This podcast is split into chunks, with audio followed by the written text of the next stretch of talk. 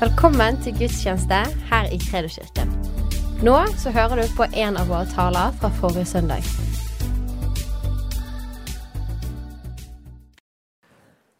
Eh, Jeg håper det at du eh, er pip åpen. Det tror jeg du er. For eh, jeg, tror på mange måter at de tingene som jeg vil dele i dag, og som vi har delt før òg, men det er noe med gjentagelse og si ting på forskjellige måter som er betydningsfullt for troen vår. Eh, Det jeg vil dele med deg, har betydning for liv og død. Eh, Det har betydning for liv og død for troen din. Og det kan i noen tilfeller ha betydning for liv og død for fysisk også. Altså det er reelle ting vi snakker om.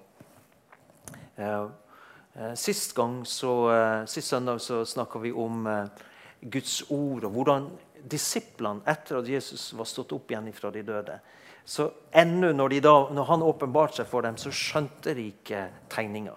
Altså, de, de fatta ikke at eh, hva, hva har skjedd nå? Hvorfor døde Jesus på korset? Hvorfor eh, ble han gravlagt? Og hvorfor står han nå plutselig her og oppstått? Og de var, nest, de var så glade at de var helt forvirra og forfjamsa. Men så står det det at Jesus til og med for å bevise at han ikke var noe ånd, men at han var le levende oppstått, eh, at han hadde kjøtt og ben, så står det at han ba dem om ga noe å spise. Han spiste et stykke fisk og en honningkake. står det. Ja. Og så skjer det noe som, eh, som er veldig interessant. Så står det det at Jesus åpna deres forstand. Og så kunne de forstå Skriftene. Så Da skjønte de sammenhengen med alt det de kunne. Vet du, Guttene her de hadde lært Gamle testamentet. Men å skjønne sammenhengen og hva det betyr, det var akkurat som det, de måtte ha forstand deres måtte åpnes av Jesus.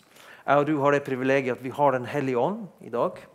Og han skal lære oss om alle ting. Og minne oss om hva Jesus har undervist oss. Så Den hellige ånd er den som åpner min og din forstand, så vi kan skjønne Skriftene og hva det betyr. Så så vi litt også på hvordan Jesus, hvilken verdi han satte på Skriftene i møte med sadukeerne, med fariseerne. Så nagla han dem, for å si det sånn. Han trodde på å være en tøddel i Skriftene og hadde en holdning til Guds ord som er et forbilde for meg og deg. Så var vi også inne på eh, betydningen av altså hvordan Guds ord virker i meg og deg. Hvordan det er med å forme oss og danne oss. Slik at når vi, når vi får det på innsida, så det, har det en gir det oss visdom, det gir oss kunnskap, det gir oss intuitivt en evne til å skille mellom rett og galt. Det er noe som oppøves, men uten Guds ord så har vi ikke sjans til å bedømme. For det er mange ting som kan nesten ligne på av Gud, men det er ikke Gud.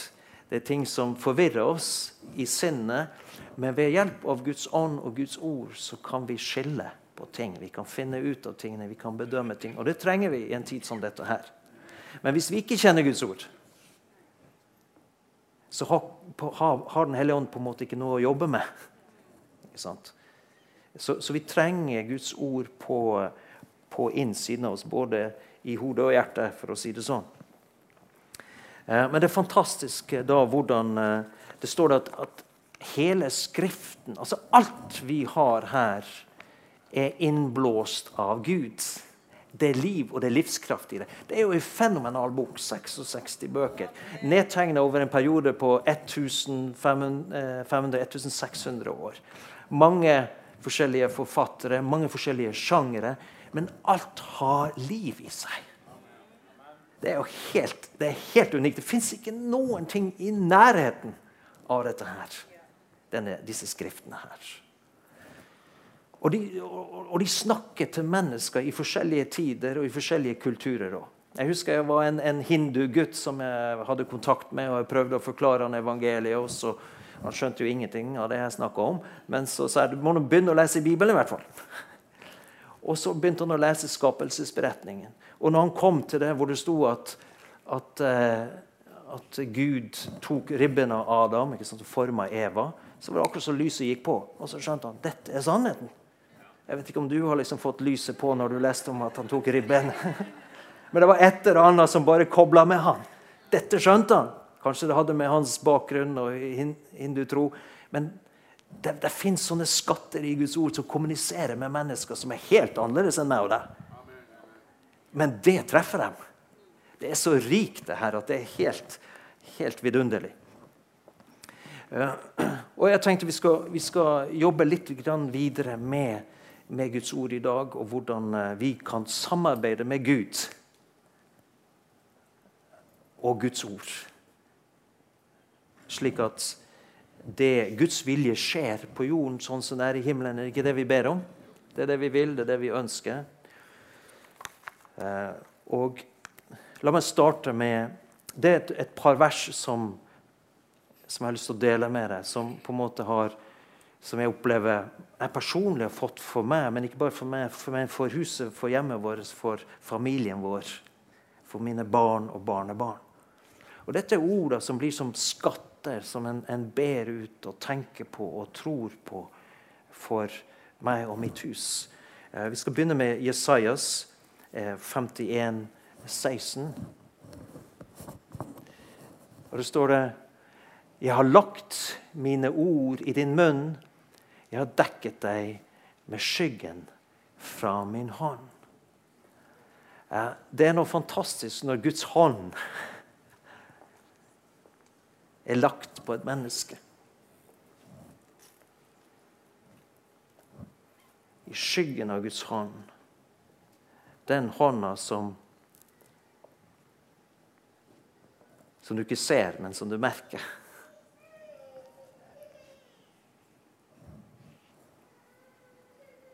Og så står det at han har lagt sine ord i vår munn. I Isaias 59, 21 så står det Dette er min pakt med dem, sier Herren. Min ånd er over deg, og mine ord som jeg har lagt i din munn, skal ikke vike fra din munn, og ikke fra dine barns eller barnebarns munn, sier Herren, fra nå og til evig tid. Dette gjelder meg, mitt hus, det gjelder deg og ditt hus. Guds ord skal ikke vike fra barna og barnebarna. til evig tid.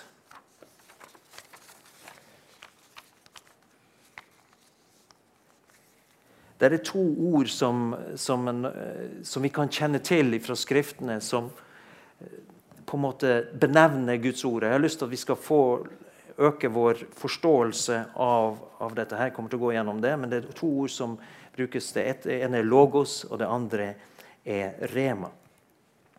Logos, og rema, nei, logos er oversatt med Guds ord, eller ordet, i Det nye testamentet. og det, Logos er brukt 316 ganger, mens rema er brukt 67 ganger. Og Hvis vi ser på Logos betyr altså eh, det mer generelle, talte eller skrevne Guds ord. Jesus sa det at hver den som hører mine ord og gjør det de sier, ligner en klok mann som bygde huset sitt på fjell. Så hvis du vil bygge livet ditt på grunn, fast grønn, så er det logos, altså at vi tar til oss av Jesus sin undervisning og skriftene. Markus 4,14.: Så man sår ordet. Det er det som plantes i oss. Dette er også logos. Det er helheten av Guds ord. Jeg og du kan ikke leve på bruddstykker av Skriftene. Vi kan ikke leve bare på et vers her og et vers der og drive med på en måte eh, lotto hver dag. Vi trekker et vers her og trekker et vers der, og så var det noen som sa et vers der. Det er ikke nok. Vi trenger helheten. Summen av Guds ord er sannhet. Så vi trenger hele Skriften for å forstå hvem Jesus er. Så dette ordet må sås i mitt og ditt hjerte. Det må sås inn i vår, vårt sinn, vår forstand.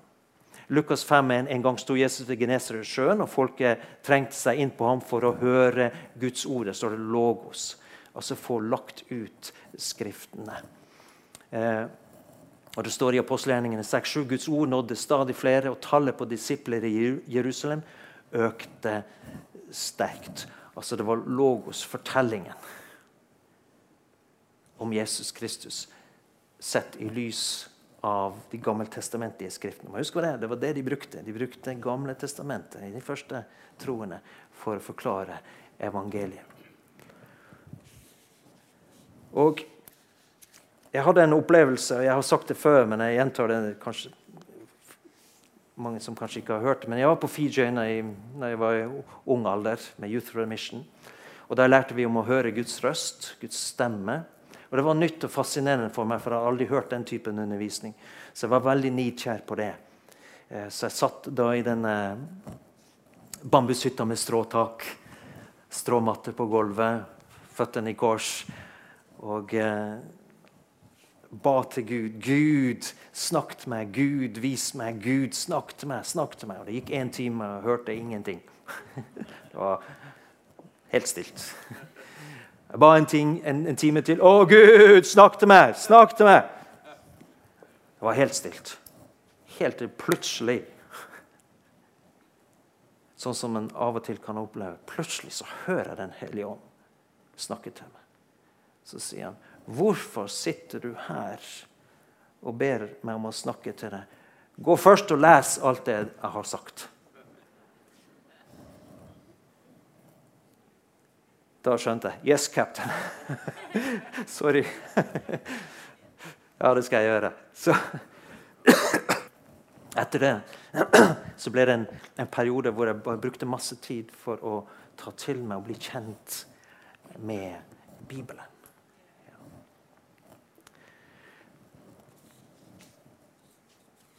Men det, hva, hva, var det som jeg, jeg opplevde da? Jo, det var for, for, vi ser det. Vi kan lese da eh, angående Re, Rema, som også snakker om Guds ord. Eh, Rema, ja. I det samme golhalen for annen gang, da husket Peter det Jesus hadde sagt til ham før halen gale to ganger. Så skal du fornekte meg, osv. Så, det var et spesifikt ord Jesus hadde sagt til Peter i en gitt situasjon. Det var ikke for alle, men det var for han i den situasjonen. Det var et rema, en direkte tiltale fra Jesus.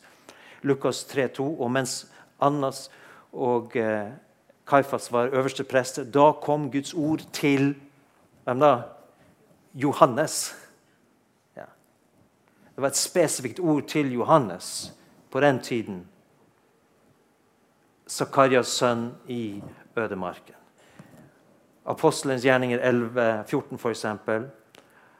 Han skal tale til deg ord som blir til frelse for deg og hele ditt hus. Det var altså Kornelius som fikk beskjed om at det skulle komme en. Altså, vet du hva Apostelen Peter skulle komme. Skulle han tale ord til dem, spesifikt Rema, som skulle frelse dem. Og Det var dette som jeg opplevde når jeg satt der. At det var et konkret, spesifikt ord til meg i den situasjonen hvor Jesus sa 'gå og bli kjent med Logos først'. For du vil trenge å kjenne Skriftene for å kjenne igjen min røst.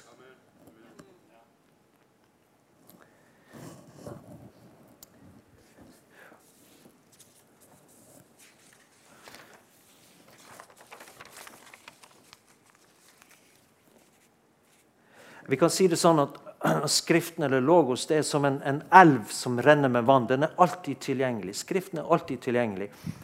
Eh, og så er det noen ganger at vi trenger et glass vann fra den elven.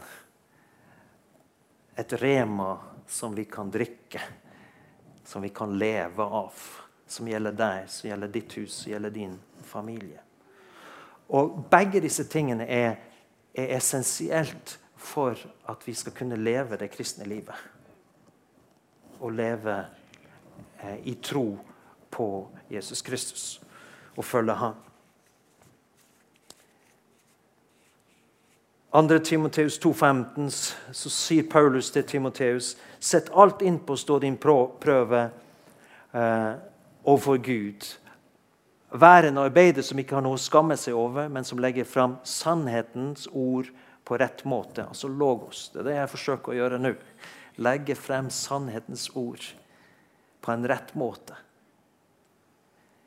Fordi at vi, det fins en feil måte, og det fins en rett måte å legge frem skrift. Skriftene kan misbrukes, men de kan også legges frem på en, rett måte.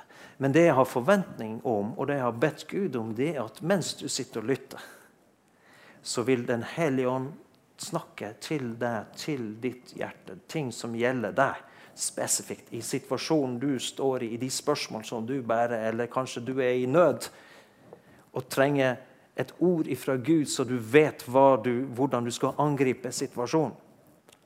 For du vet generelt at Gud er mektig til å gripe inn, men du føler, det, du føler deg allikevel redd eller usikker, for du, for du liksom kjenner det at jo, jeg vet at Gud kan, jeg vet at Gud vil, men jeg har liksom ikke tro. For det gjelder meg og min situasjon. Har du vært i en sånn situasjon? Jeg tror alle sammen oppleve, har opplevd det og erfart det. At vi, vi, vi kan brytes med det. Men da vet jeg at den Gud, Den hellige ånd, vil opplyse og gi spesifikke ord, rema-ord, til oss alle sammen når vi trenger det. Rema-ord når det er snakk om åndens sverd, som er Guds ord Sverdet er jo et, et, våpen til forsvar og til angrep. Det står her, altså det brukes rema. Det er ting som Gud vil si deg og gi deg, som du trenger for å fighte din fight og bli stående etter å ha overvunnet alt det onde som kan ramme i denne verden. En av de tingene som, som, eh, som jeg ser når jeg ser meg tilbake igjen, så ser jeg at en av de, det som har på en måte forsøkt å knekke vår familie, eh, det har vært angrep som har gått på frykt. Og Eh, ja, så langt som panikk, type panikkangst som har prøvd å ramme vår familie. Eh, når jeg var en ung mann så, og ble, på en måte tok imot Jesus og fylt med Den hellige ånd og opplevde masse sterke ting med Gud Det var en helt ny verden som åpna seg. Folk ble helbredet, og at jeg kunne få Nådegavene begynte å virke, og, og, det var masse som skjedde. Men allikevel så bar jeg på en tung synd som jeg ikke kunne forklare. Jeg ble nedstemt, helt uforklarlig. Plutselig så var jeg liksom helt sånn ut meg og utafor. Og, og det, var, det, var, ingen liksom naturlig grunn i det ytre hvorfor. Jeg, men det svingte sånn. Det svingte sånn. Og etter hvert så ble jeg så på en måte desperat Gud, hvorfor er det? Det skal jo ikke være sånn som det her. Det her er jo ikke normalt. Det var folk som prøvde å si meg at det var normalt, men jeg følte ikke at det var normalt. Eller det, det, var, det var, normalt på den måten. Det var mange som, jeg har hørt om mange som kan oppleve dette her. Men eh, det, var ikke sånn jeg trodde det skulle være. Men det var sånn. Jeg, klarte, jeg hadde ikke noen forklaring på det.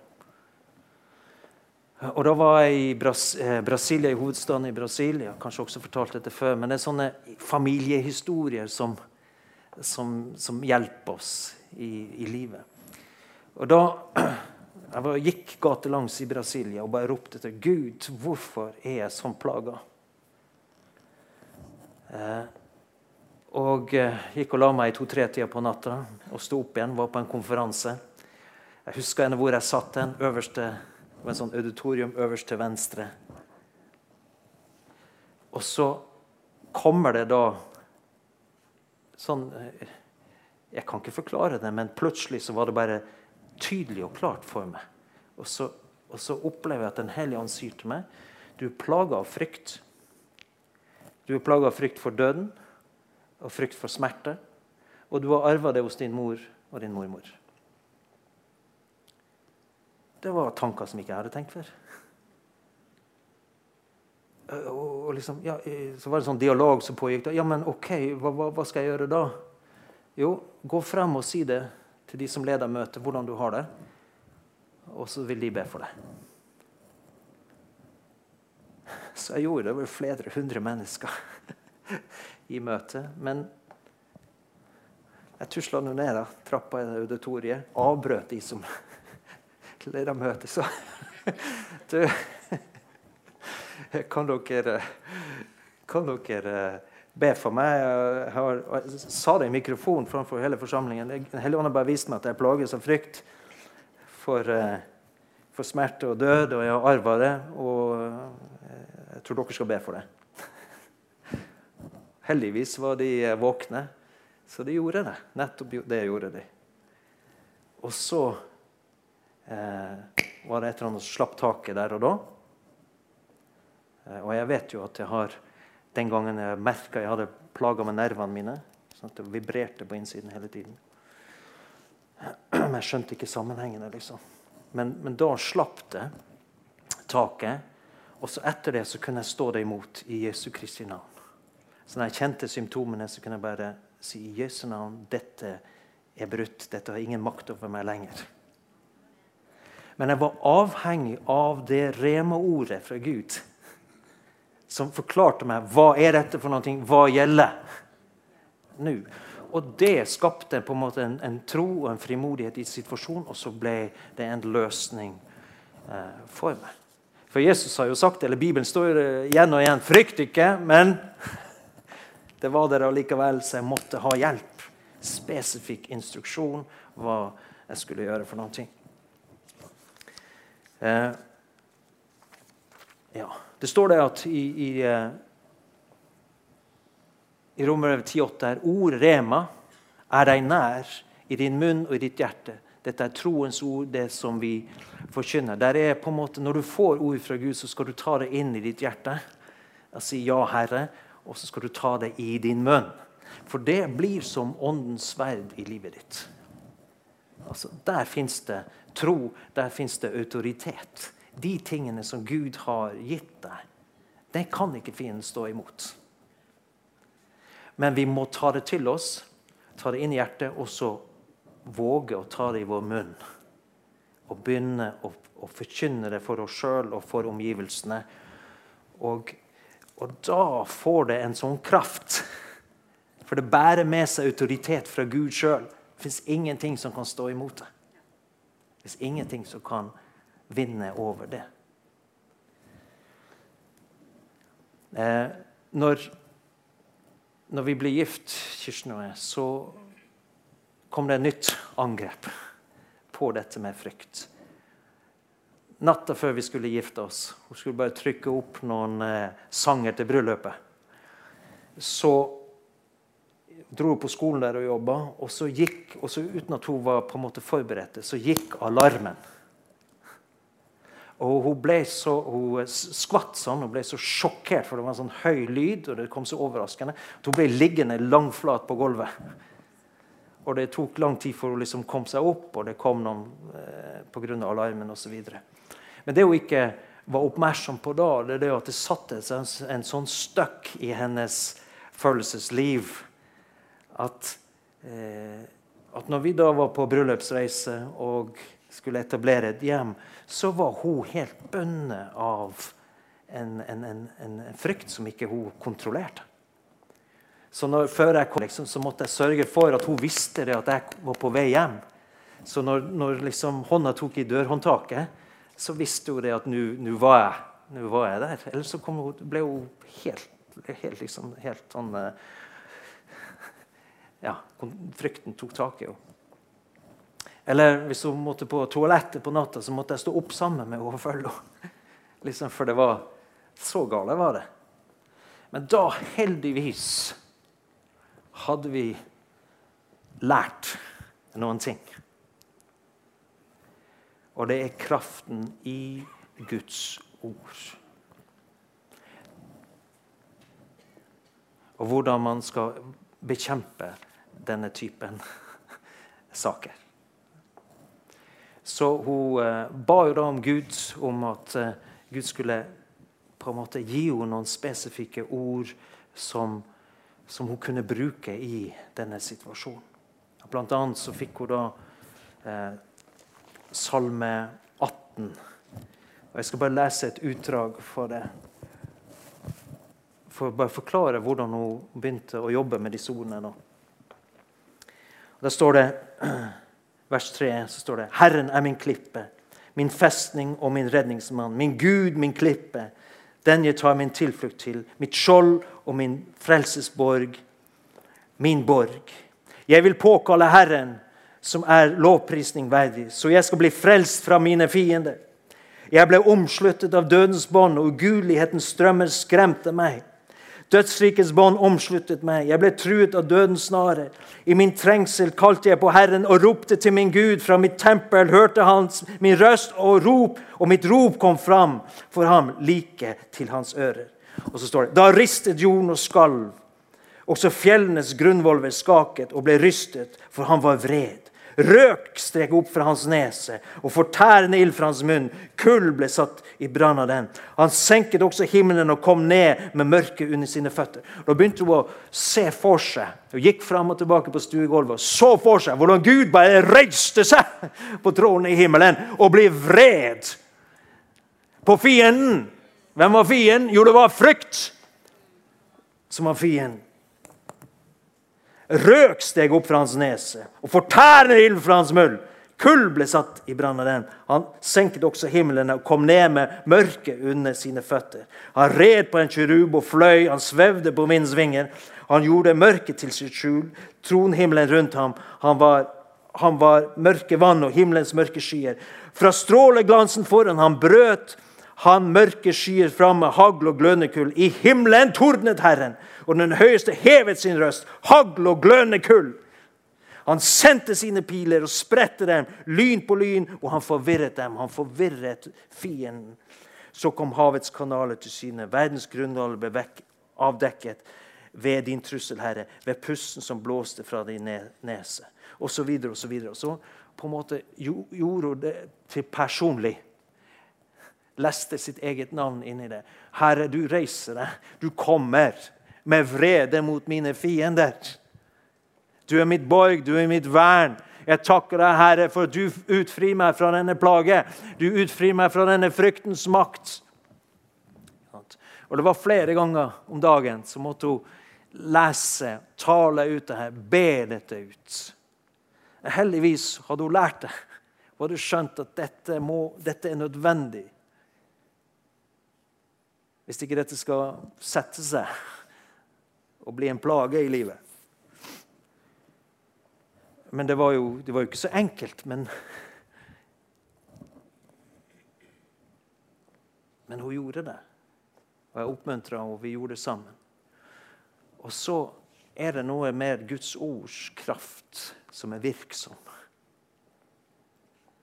Hun bare visualiserte hvordan Gud kom til hennes unnsetning. Og Gud kommer til unnsetning. Og så Jeg tror det var ca. tre måneder, så bare Var jeg forduftet.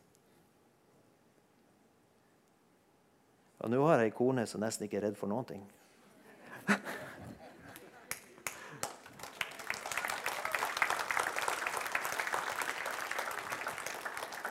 Hun frykter Gud, men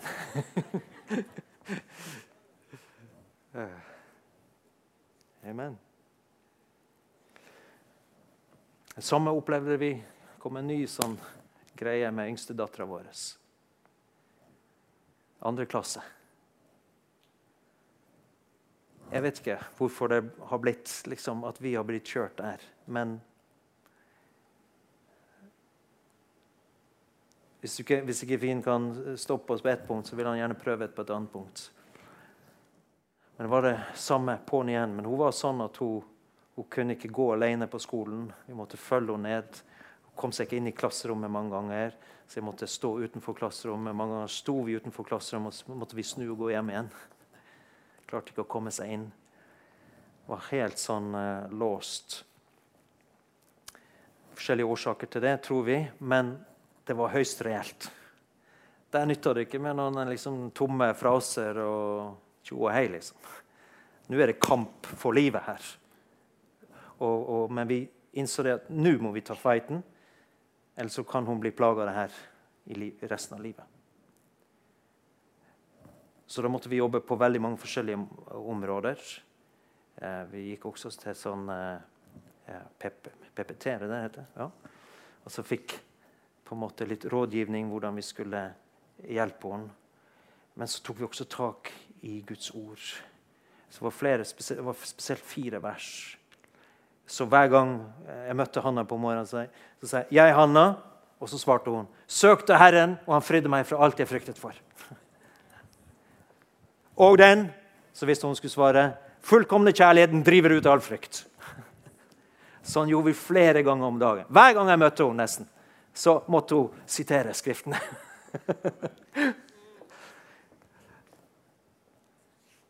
For vi måtte ta det der og da. Nå var det alvor. Og så så jeg hvordan hun tok, fikk hjelp til å ta sånne små steg og utfordre frykten og den panikkangsten. Da. Og så så vi da hvordan Guds ord virka i jenta. Og så ble hun fri. Jeg husker jeg var så forundra når jeg første gang så henne stå på plattformen her. Fri og glad jente. Og så når jeg fikk sendt video fra Arons sønn min her Hun preka på Hillsong var det ikke det, på college der. Jeg tenkte Hjelp, er det der dattera mi, liksom? Jeg kjenner jo ikke igjen. Hun var så frimodig. Og da tenkte jeg at wow. Gud, takk Gud for det du har gjort. Det er mulig! Det er mulig. Men det var kraften i Guds ord. Det var ikke noe spesiell terapi. Det var kraften i Guds ord som løste henne. Så hun har lært på hvordan hun skulle stå det imot hvis symptomene prøver seg. Ja. Vi må våke. Vi er parat med Guds ord hvis symptomene melder seg. Men nå har vi lært en djup lekse. Og, og, Sånn kan det være for meg og deg på forskjellige områder av livet. Da væpner vi oss med Guds ord. Amen. Eh, hvis du kan hjelpe meg med klokken, så For nå er Hæ? Kvart over tolv. Ja. Jeg har mista feeling med tiden. ja.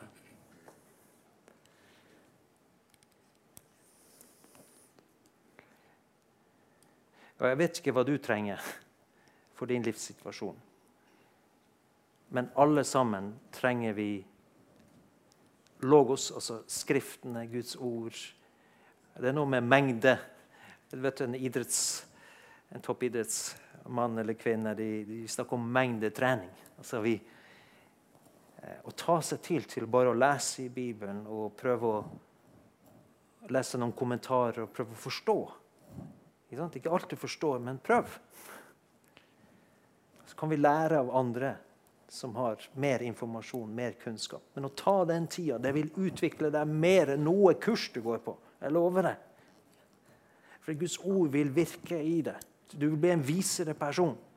Du vil bli smartere. Amen. Fordi at det er, Guds ord er levende og virkekraftig. Det, det, det er noe i det.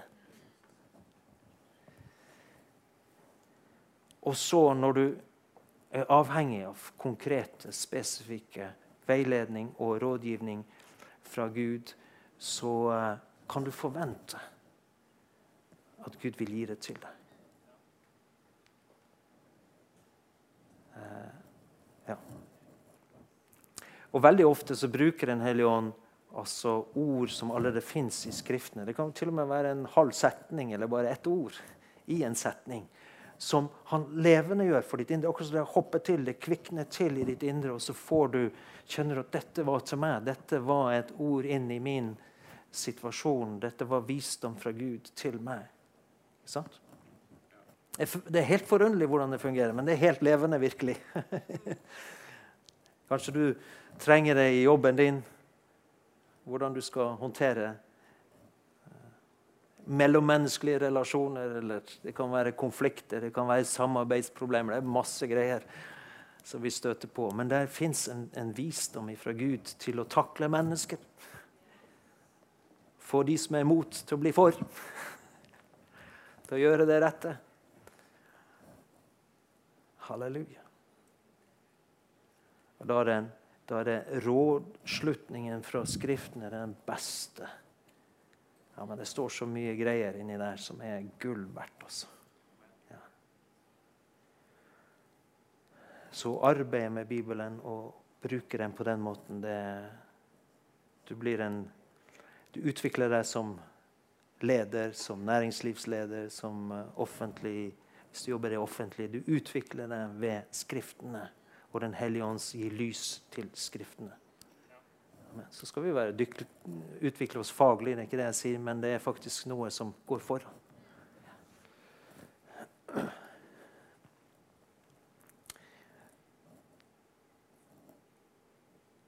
Skal vi, skal vi be sammen? Ja. Og jeg setter min lit til Den hellige ånd gir deg det du trenger. Ja. Eller kanskje det er noe som, som du eh, kanskje bare trenger å få friske eller ta tak igjen i fordi at eh, det har gått litt lang tid. Eh, men det er, jeg vil bare si at det som er genuint gitt av Gud, det er de, de redskapene du har i verktøykassa di. Det skal du aldri slippe. En dag så trenger du saga. En dag så kommer du, det, er du trenger, det er til og med ikke sikkert du trenger det akkurat nå, men du kommer til å trenge det. Og Gud gir deg verktøy nå for det som kommer.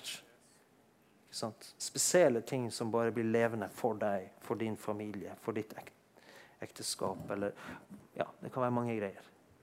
Gud har ting for alt som vi trenger. Så Gode, elskede Hellige Ånd, jeg bare priser deg og takker deg for at du, du, kjenner hver enkelt av oss. Og du ser at noen av oss kanskje befinner seg i en tilsynelatende håpløs situasjon. Altså Det ser ikke ut som det fins noen vei eller noen løsning. eller men jeg priser deg, Herre, for at det fins løsninger. Jeg har sett det igjen og igjen og igjen. Det fins alltid veier. Det fins alltid en vei, Herre. Og, og gode Hellige Ånd, jeg takker deg for at du oppmuntrer hver enkelt. Minner dem på ting kanskje du har vist dem eller sagt til dem før. Det kan være enkelte skriftsteder eller avsnitt som har betydd noe for dem. Herre. Jeg priser deg, himmelske Far, for det skal være levende i hjertet deres, Herre. Takker, Herre. Og Du skal på igjen få ta det frem, Herre. Ikke som en anstrengelse, men som en, eh, som en eh, ja, bare enkelt og greit minne seg sjøl, mate seg sjøl, lytte til disse løftene og disse veiledningene som du har gitt, Herre. Priser deg, himmelske Far, for det. Halleluja.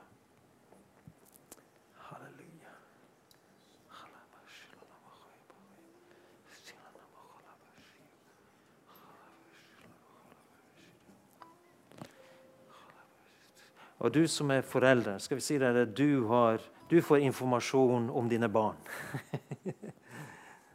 Stol på den informasjonen Den hellige ånd gir deg. Og så bruk det i rett ånd. Ikke sant? La oss passe oss for anklage og fordømmelse og, som trykker våre barn ned. Men kom, kom unnfra med Guds ord. For du, du har noen ting. Du, som forelder så får du ting fra Gud som, som vil virke i dem og på dem, som hjelper dem på rett vei.